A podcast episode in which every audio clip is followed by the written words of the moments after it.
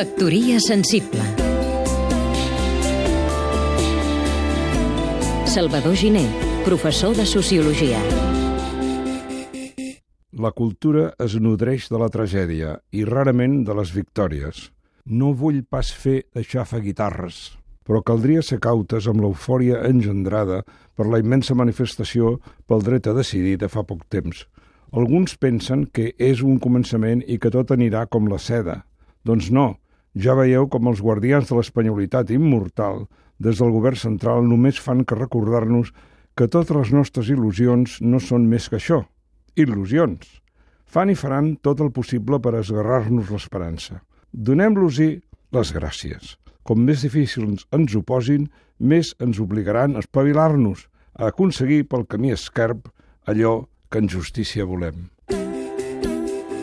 Factoria sensible Seguim-nos també a catradio.cat